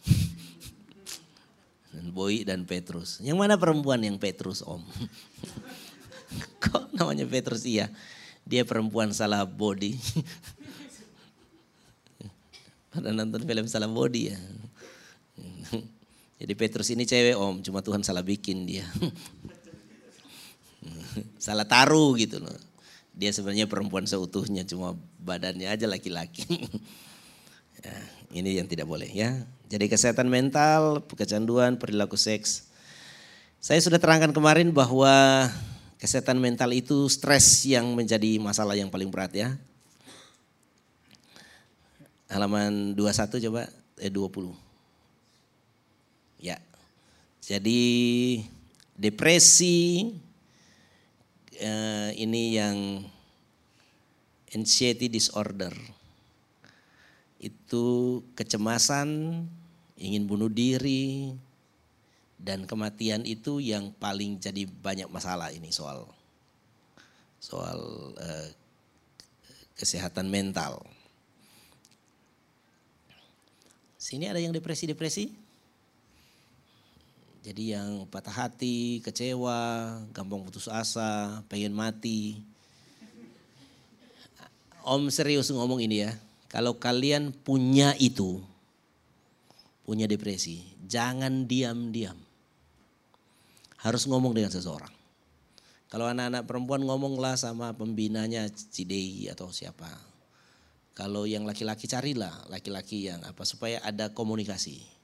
Jangan kalian ada kecewa dalam hidup dan pengen bunuh diri lantas kalian diam-diam.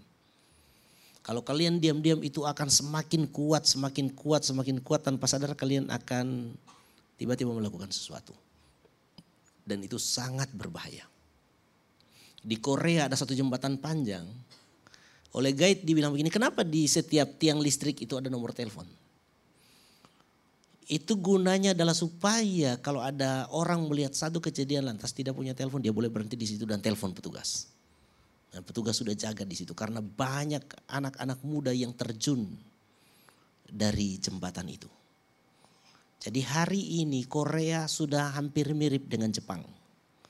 Dulu Jepang adalah negara dengan tingkat bunuh diri remaja terbesar. Sekarang Korea mulai menyusul. Mengapa? Karena kehidupan di Korea semakin hari semakin keras. Dan anak-anak muda yang merasa daya saingnya lemah, mereka frustasi. Dan banyak yang ingin bunuh diri. Saya yakin di Indonesia hal-hal seperti begini juga mulai masuk. Nah kalian yang punya perasaan seperti itu, ya kalian kecewa, kalian apa itu, apalagi cuma diputus pacar Kalian jangan pandang enteng. Om punya teman satu laki-laki sehat banget bunuh diri gara-gara diputusin pacar. Jadi di sini kalau ada anak-anak laki-laki mulai pacaran diputusin nanti semua kecewa-kecewa ngomong sama yang tua-tua. Ngomong sama Kak Gusti. Kenapa Kak Gusti diputusin enggak patah hati gitu. Contoh. Eh, datang tanya supaya kalian emang kenapa? Gua mau pengen tuh jatuh dari tiang listrik. Untung susah kan kalau jatuh dari tiang listrik mesti naik dulu kan. Kalau dia pengen jatuh dari mall kan gampang. Nah, supaya kalian bisa ditolong. Karena ini memang penyakit yang sangat luar biasa hari-hari ini. Saya tidak ingin ada anak remaja di gereja kita yang saking depresinya. Sampai pengen bunuh diri dan tidak ketahuan tahu-tahu sudah mencoba sesuatu. Taruhlah tali di leher. Mulai tes-tes gantung-gantung. Eh, lama-lama bisa jadi. Itu kan orang bunuh diri kan begitu. Tes-tes minum baygon, tes-tes potong nadinya. Jangan. Tuhan tidak senang dengan itu. Itu jalan tol masuk neraka. Bilang sama temannya bunuh diri jalan tol masuk neraka. Kalian ingat Pastor Ben punya kesaksian ya. Dibully di sekolah kan pengen bunuh diri. Ya, saya tidak tahu hati kalian. Tetapi saya mau katakan begini. Kalau ada di antara kalian yang punya kecenderungan itu jangan diam-diam bertindak karena iblis sedang menyerang engkau. Amin. Oke. Okay. Kalau di Amerika satu dari lima remaja itu pasti punya uh, punya masalah dengan mental, punya masalah dengan mental. Saya berharap ini anak-anak GPD Philadelphia tidak begitu. Tapi kalau ada jangan diam-diam, ngobrol supaya engkau ditolong. Katakan amin. Oke, coba lanjut lagi. Pada tahun 2020 diprediksi depresi menjadi penyebab utama kematian dan ketidakmampuan. Ya. Ini saya berharap sih tidak jadi di gereja kita. Mari kita lanjut, saya ingin tinggal 20 menit. Saya ingin menerangkan tentang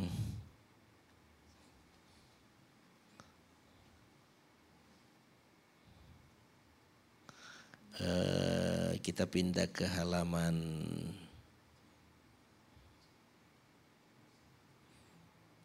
Coba lihat sedikit halaman 33. Karena itu yang saya lewatkan itu orang tua punya. Halaman 33.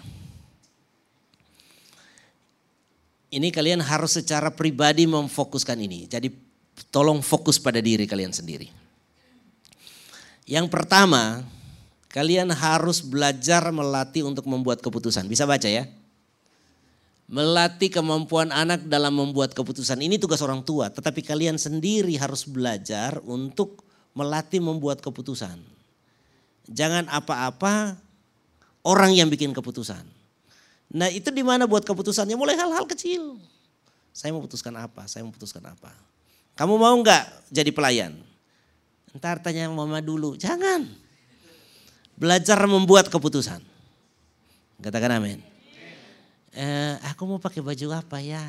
Telepon pacar dulu, pakai baju aja. Kuning, merah, biru, coklat. Putuskan aja. Dari hal kecil, hari ini mau pakai sepatu apa? Oke, di sekolah pakai sepatu hitam, tapi saya mau pakai sepatu putih.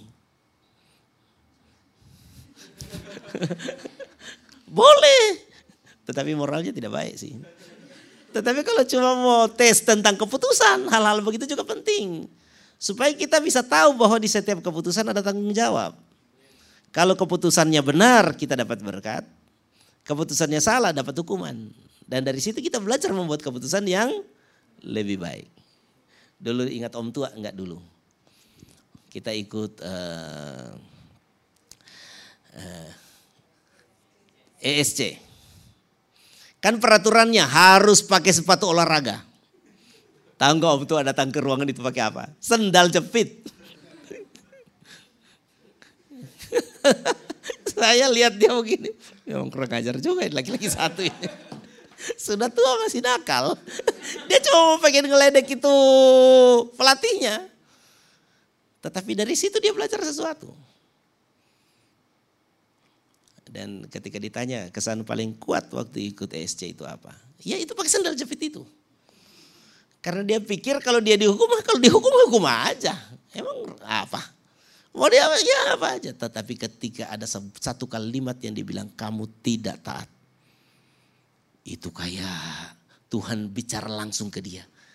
Eh, iya ya, saya tidak taat itu keputusan. Jadi bikin keputusan aneh-aneh begitu juga ada. Tetapi intinya begini, harus belajar buat keputusan. Mau sekolah hari ini atau tidak? Ya sebenarnya sih kalian buat keputusan sendiri. Oh, mama belum jam, belum jam. Apa sih ini anak? Sudah SMA masih belum jam, belum jam. Bikin keputusan, saya harus bangun jam berapa untuk sekolah. Katakan amin. Itu sebabnya pasang alarm sendiri. Dan alarm bunyi satu kali langsung loncat dari tempat tidur. Kalau sudah tua jangan loncat bisa serangan jantung. Kalau masih anak-anak muda boleh. Kalau sudah orang tua bangun malam ada istilahnya eh, tiga kali setengah menit. Tiga kali setengah menit itu akan menyelamatkan Anda dari serangan jantung. Jadi setengah menit duduk, eh, setengah menit sadar, setengah menit duduk, setengah menit turunkan kaki, baru boleh jalan. Tapi kalau anak muda masih boleh langsung loncat, enggak apa-apa kalian punya jantung masih kuat. Kecuali sudah bers duk duk duk duk duk duk duk. Kalian kan nanti jantung berdebar kan pas jatuh cinta kan. jatuh cinta atau ada ibu guru galak di depan. Duk duk duk duk duk duk duk. Tapi kalau cuma bangun pagi setel jam sendiri. Buat keputusan. Saya bikin PR, saya enggak bikin PR, buat keputusan. Belajar bikin keputusan. Karena yang punya jabatan paling tinggi di dunia ini adalah pembuat keputusan yang baik. Tidak ada direktur yang bikin ke, yang oh, kita rapat ya. Oh eh, kamu office boy bikin keputusan untuk perusahaan kita. Tidak ada yang bikin keputusan itu eh, yang paling tinggi. Kayak di gereja ini. Mau Natal di mana? Oke kita pakai Natal itu. Yang putuskan siapa? Ya saya. Saya boleh terima semua usulan, usulan, usulan, usulan. Saya yang putuskan. Saya harus melatih membuat keputusan yang benar. Nah, saya berharap kalian juga melatih buat keputusan yang benar. Masih muda-muda petualang boleh bikin keputusan-keputusan salah kalian bisa belajar. Oh ternyata keputusan salah resikonya ini, keputusan yang benar resikonya ini. Saya enggak mau bikin PR, besok disuruh berdiri di depan dia tanggung resikonya kan. Dapat nilai jelek, enggak bisa masuk UI, nah, rasa sendiri. Oke, melatih anak untuk biasa mengontrol emosi dan tubuhnya. Ini yang penting juga. Jadi kalau marah jangan ngumbar ya. Itu itu emosi jadi bagus kalau kita melatih emosi kita. Katakan amin. Jangan ngumbar. Melatih anak untuk bisa memahami dirinya sendiri. Jadi kalian harus mengenalin diri sendiri. Dulu Ci Ingrid om pernah pengen sekali dia masukin dia di kedokteran. Tapi dalam perjalanan waktu saya mulai melihat begini, ini anak ini kayak enggak bakat kedokterannya. Saya pernah jatuh tangan saya berdarah ini lukanya. Pas berdarah, dia lihat bapaknya berdarah, enggak ditolong. Dia lari ke lantai dua. Saya langsung pikir begini, ini kalau dia jadi dokter di rumah sakit, dokter jaga orang kecelakaan, dia lari pulang ini. Karena kalau di rumah dia lari ke lantai dua, iya ada orang celaka darah banyak, dia lari, eh mati orangnya. Saya kemudian pikir kayaknya ndak bakat ini anak ini. Akhirnya saya agak agak kemudian bilang sama dia begini, Jit, kamu ikut aja ujiannya, pilih aja, tapi jangan maksa. Kalau Tuhan kasih maju, berarti Tuhan akan tolong, ubahkan kamu. Tetapi kalau enggak, jangan. Tetapi kemudian saya sadari bahwa Tuhan itu punya program yang sempurna dari awal. Sehingga si Ingrid itu enggak lulus di kedokteran. Mengapa? Karena ternyata memang tidak ada bakat. Pas dia masuk di psikologi, baru dia bahagia banget. ternyata bakatnya di psikologi. Itu sebabnya dia bisa lulus sangat cepat dan menjadi lulusan terbaik di kampusnya. Karena dapat yang pas. Nah saya berharap begini, kalian juga apalagi yang baru ini anak-anak muda mau pilih jurusan, mau pilih kerjaan, pilih apa, sesuaikan dengan diri kalian sendiri. Nah kalian bisa menyesuaikan kalau kalian kenal diri. Siapa nama kamu? Gak tahu, ya susah. Namanya aja lupa, apalagi bakatnya kan. Siapa di sini pengen jadi pedagang katakan? Menjadi pedagang. Eh, mau pengen jadi orang miskin semua? Kalian tidak tahu bahwa orang paling kaya di dunia ini berdagang? Kalian tidak tahu itu Singapura kaya raya karena berdagang? Tidak tahu? Atau kalian pikir berdagang itu jualan kacang di pinggir jalan? Kacang, kacang, kacang, kacang. Tidak mau jadi pedagang? Waduh, bahaya ini masa depan GP di Philadelphia ini. Eh, mata-mata sipit dagang. Tapi jangan dagang gaya-gaya orang-orang tua kita. Harus jadi pedagang. Saya ada ada sebentar ya. Saya saya dikirimi oleh salah satu orang sangat sukses di komunitas saya. Tunggu dulu.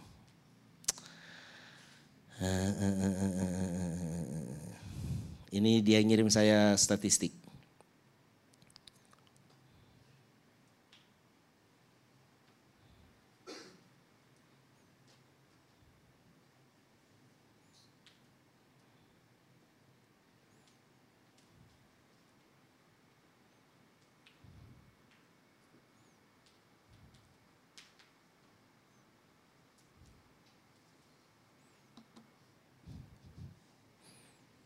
Sebentar.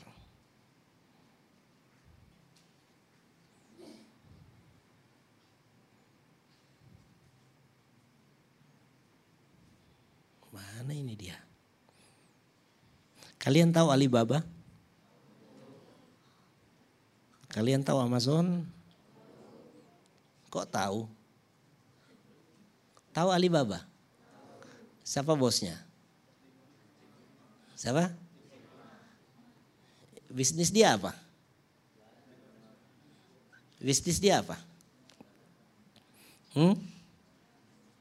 Jack Ma bisnisnya apa?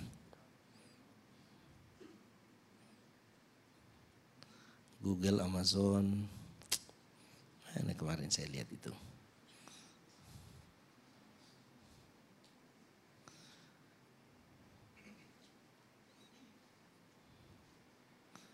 Cina, India, eh, mana dia? Intinya begini, salah satu bisnis yang sangat maju sekarang ini itu adalah dagang. Dan salah satu merek yang sangat, nah ini dia. Merek dengan harga, merek dengan harga 499 bilion dolar 499 billion dolar. Itu adalah alibaba.com.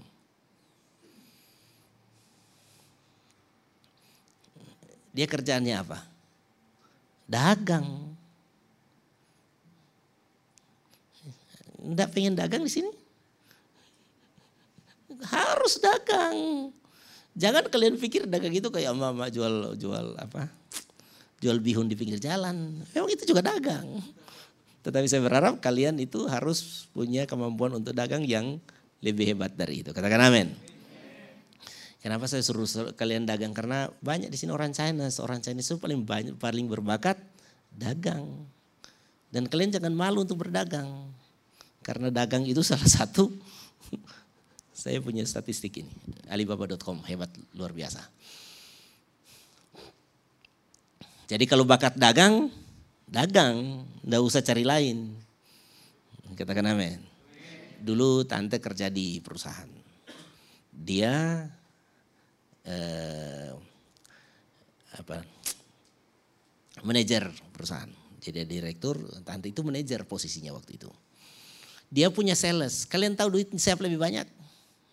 Bukan manajer. Yang paling lebih banyak duit salesnya. Jadi jangan jangan oh jabatan lebih tinggi dah. Perpuluhan diukur melalui gaji bukan jabatan. oh, perpuluhan jabatan, nah, gaji. Emang mau beli mobil pakai jabatan. Beli mobil pakai jabatan tuh pakai uangnya. Pakai uangnya. Jadi ini kalau yang pintar-pintar ngomong, belajar ngomong banyak di gereja. Kemudian jadi sales. Sales apa? Sales semua. Itu banyak ini Indonesia kan mau bangun ini ibu kota baru di Kalimantan. Itu 400 triliun itu. Nah yang akan paling banyak untung siapa? Yang dagang-dagang. Bukan itu yang kerja bangun bangun rumahnya yang untung, bukan. Yang dagang semen yang untung, dagang besi, dagang telepon, dagang apa itu dia yang untung. Paling banyak. Tapi mulai kenali diri sendiri. Oke, melatih empati pada diri anak, melatih moral. Nah ini yang tadi saya sudah terangkan. Tinggal empat menit lagi. Oke, mari kita maju cepat-cepat. Saya mau terangkan sedikit yang lain. Mari tolong buka yang tiga, uh, yang halaman 36. Sedikit yang saya sampaikan tadi. Bisa kebaca enggak? Ini perlu iman yang kuat membacanya ini. Saya saja susah membacanya di sini, apalagi kalian ya. Jadi di masa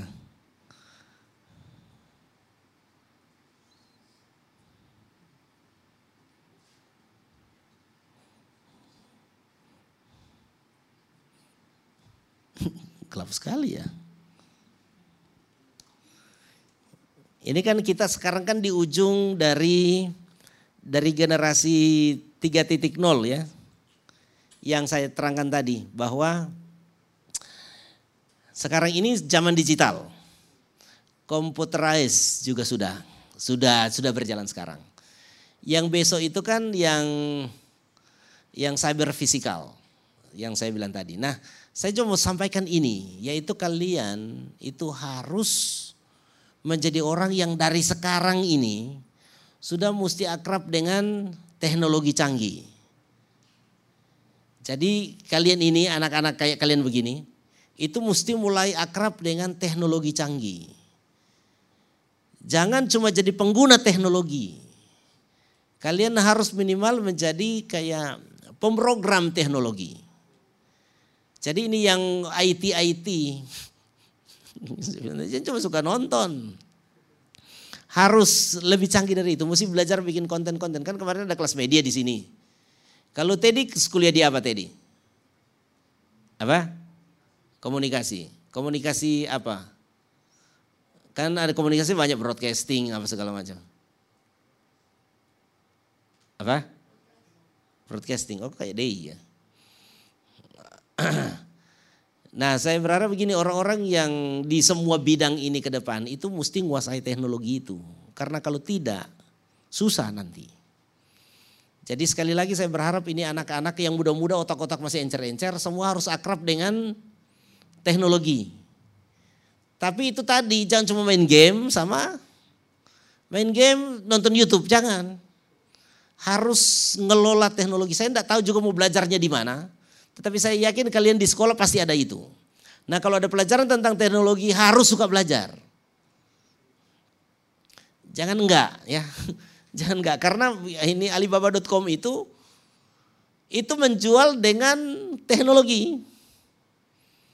Tidak apa, memang lucu kalau cerita Jakma. Jakma itu juga sedangkan mau apa ngirim email enggak tahu. Waktu pertama dia tertarik dengan apa, tetapi kemudian dia mempekerjakan orang-orang yang sangat hebat. Jadi orang-orang yang paling jago teknologi yang ada pada eh, perusahaannya hari ini. Nah saya berharap begini kalian ini harus menjadi generasi yang betul-betul akrab dengan teknologi. Katakan amin. Siapa di sini yang sudah jago main laptop? Tapi bukan nonton film ya, bukan main game ya. Siapa yang punya laptop di rumah?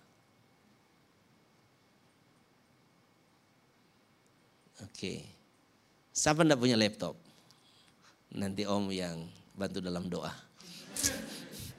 Om beli, om bantu dalam doa supaya beli. Tetapi intinya harus punya ya. Memang om enggak terlalu jago, om punya tab ini canggih banget. Cuma om masih agak bodoh aja ngerjain. Tapi padahal ini canggih banget. Saya berharap kalian mesti jadi orang-orang canggih. Jangan bikin PowerPoint aja enggak becus. Bikin PowerPoint yuk, enggak tahu ini gimana ya. Ini mau tunjuk ke mana ini ya. Nah, PowerPoint minimal tahu. Karena nanti dagang-dagang semua dengan dengan teknologi. Dengan teknologi. Nanti siapa siapa? Saya kok Cion punya anak ini? Tobi. Obi kan sekarang kan bapaknya punya bengkel. Kan desain-desain semua kan pasti manual. Eh, besok Obi kalau sudah belajar mesti belajar desain ya. Cara bikin lemari yang paling canggih. Campur dengan teknologi. Jadi kalau mau masuk di rumah cuma itu. Obi punya lemari langsung kebuka lemari makan ya kan. Nah, begitu. Dicanggihin, laku itu. Zaman-zaman waktu-waktu akan datang kan kita di rumah sudah tidak pakai pembantu. Karena cuci piring segala macam sudah bisa dari jauh. Sudah ada robot ngangkat piring kotor, taruh di dalam mesin itu. Kemudian ya semua sudah canggih pembantu-pembantu. Jadi saya berharap sini tidak ada yang cita-cita jadi pembantu ya. Kalau jadi pembantu presiden masih boleh. Amin, semua siap, amin. Ini ada berita mengerikan. Coba buka, tolong buka halaman yang 38. Ini sudah terakhir banget, tinggal satu menit. Ada namanya McKinsey Global Institute. Halaman 38. Pada tahun 2030 sebanyak 400 juta Pada tahun 2030 sebanyak 400 juta sampai 800 juta orang harus mencari pekerjaan baru. Artinya apa? 400 sampai 800 juta orang akan dipecat dari pekerjaan. Itu bukan dikit. Itu banyak banget. Ada 400 sampai 800 juta. Dan ini ada orang Indonesia juga mengatakan bahwa di Indonesia pas revolusi industri 4.0 itu akan kehilangan 50 juta peluang kerja. Jadi kalian jangan pikir begini ini hari depan ini lebih enak. Oh enggak. Pekerja-pekerja tidak berkualitas siap-siaplah dipecat. ini bayangkan ini. Serem banget enggak? Serem. Kalau jadi pengangguran, aduh lama-lama bisa menyolong. Eh, tapi ada coba slide berikut. Ada yang lebih ada yang punya harapan sedikit baik. Menteri Perindustrian Erlangga Hartarto sebaliknya, revolusi industri 4.0 justru memberi kesempatan bagi Indonesia untuk berinovasi. Nah, ini pentingnya. Revolusi yang fokus pada pengembangan ekonomi digital dinilai menguntungkan bagi Indonesia. Pengembangan ekonomi digital adalah pasar dan bakat dan Indonesia memiliki keduanya. Ia tidak sependapat bahwa revolusi industri 4.0 akan mengurangi tenaga kerja sebaliknya malah meningkatkan efisiensi. Memang agak nggak nyambung sih ini kata-kata orang ini. Kalau efisiensi itu berarti kehilangan pekerjaan. Kalau dulu 500 orang kerja satu pabrik, efisiensi artinya apa? 300 sudah cukup, 200 ke laut. Ini memang agak tidak nyambung ya. Tetapi mungkin maksudnya begini. Eh, ini kan orang bangkitkan pengharapan. Artinya maksudnya orang yang tidak dapat pekerjaan dia akan buka pekerjaan sendiri. Tetapi saya berharap sekali lagi generasi anak-anak gereja itu harus siap untuk menyambut era ini. Katakan amin. Terakhir sekali ini kalimat saya yang paling terakhir begini. Kalian jangan gampang putus asa. Ada Tuhan yang akan tolong kalian. Kalian siap untuk bekerja buat Tuhan? Bekerja bersama Tuhan? Siap untuk ditolong Tuhan? Nah, siapkanlah dirimu. Siapkanlah dirimu. Jangan manja-manja. Yang malas-malas belajar bertobat. Yang bandel-bandel sama orang tua bertobat. Yang gak suka ke gereja bertobat. Karena cuma Tuhan yang bisa nolong kita pada waktu itu. Katakan amin. Orang-orang akan egois. Kalian tahu kalau sedikit barang orang berebutan ya. Misalnya di sini kita kan, ayo makan ya. Tidak ada saya. Kalau ada saya kan pasti kalian hormat-hormat kan, tidak enak sama om. Cuma kalian sendiri, ini orang ada 40, ada kue 20. Kira-kira ngambilnya gimana? Apalagi kuenya enak banget. Kalian bayangkan kue enak banget. Tidak usah kue ya. Sekarang ini orang pakai suka paling suka kayak jus-jus begitu. Ada mango apa namanya yang ada esnya lantas ada mangga-mangga di atasnya. Eh? King Mango. Nah ini kan 40, ada 20 King Mango sini. Tidak ada yang mau datang ngambil begini. Permisi ya, pas tangannya sampai sudah tidak ada. Sudah tidak ada. Nah saya mau katakan begini peluang kerja nanti begitu. Kalau kita tidak unggul, kita nggak cepat, kita tidak berjuang dengan sepenuh hati, kita akan tersingkir. Siap untuk dibangun, amin? Oke, saya mau berdoa untuk kalian. Mari semua boleh angkat tanganmu di hadapan Tuhan. Haleluya Tuhan Yesus baik. Bapak lihatlah tangan-tangan anak-anak ini yang terangkat Tuhan. Hamba berdoa biarlah mereka bangkit untuk menjadi generasi emas. Keturunan ilahi yang luar biasa. Itu sebabnya hamba berdoa semua roh kebodohan kami tolak di dalam nama Tuhan Yesus Kristus. Kami tolak roh yang membangkitkan emosi-emosi yang tidak sehat di dalam nama Tuhan Yesus Kristus semua kemalasan, semua kebodohan, perilaku yang egois, yang tidak punya kehidupan sosial yang baik. Haleluya, apalagi yang tidak takut akan Tuhan, tidak punya moralitas yang baik. Eh, pembohong, malas dan lain sebagainya. Kami tolak di dalam nama Tuhan Yesus Kristus. Perlengkapi setiap anak-anak ini Tuhan untuk menyambut sebuah era yang luar biasa di depan ini. Indonesia akan mengalami bonus demografi yang luar biasa. Ini adalah anugerah Tuhan yang besar bagi kami. Tetapi semua akan sia-sia kalau anak-anakmu tidak siap untuk ada di sana. Karena di depan kami juga ada sebuah era yang luar biasa baru.